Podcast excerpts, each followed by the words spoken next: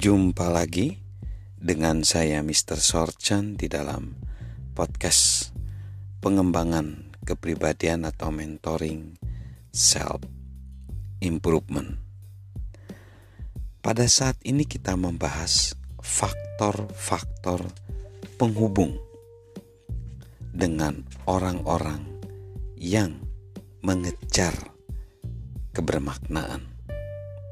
Dan kita tiba di faktor yang kelima, yaitu faktor tantangan.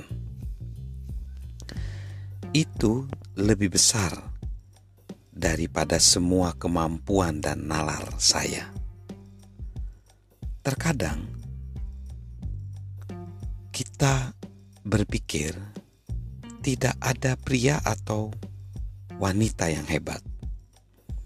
Yang ada hanya orang-orang biasa seperti kita semua yang bersedia mengatasi tantangan besar. Mengapa demikian?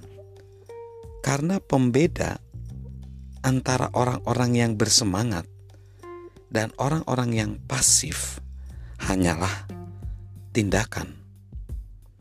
Kapan pun kita mengajak orang lain bergabung dengan kita untuk melakukan hal besar dengan menjelaskan visi kebermaknaan, saya sadar beberapa orang akan menanggapinya dengan positif, sementara yang lain akan menghindar.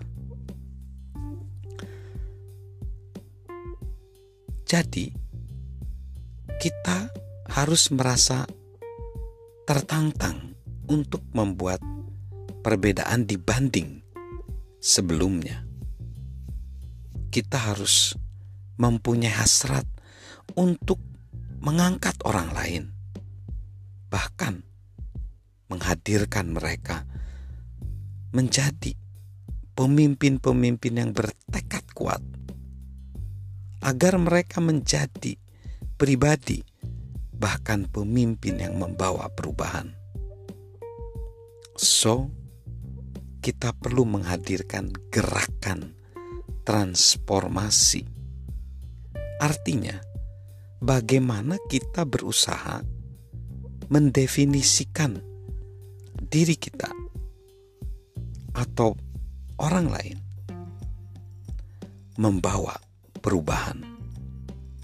So, para pemimpin yang membawa perubahan akan mempengaruhi orang lain untuk berpikir, berbicara, dan bertindak sedemikian rupa sehingga muncul perbedaan positif dalam hidup mereka dan dalam kehidupan sesama. Mendidik para pemimpin yang membawa perubahan adalah salah satu keinginan yang harus kita miliki. So, mari kita semua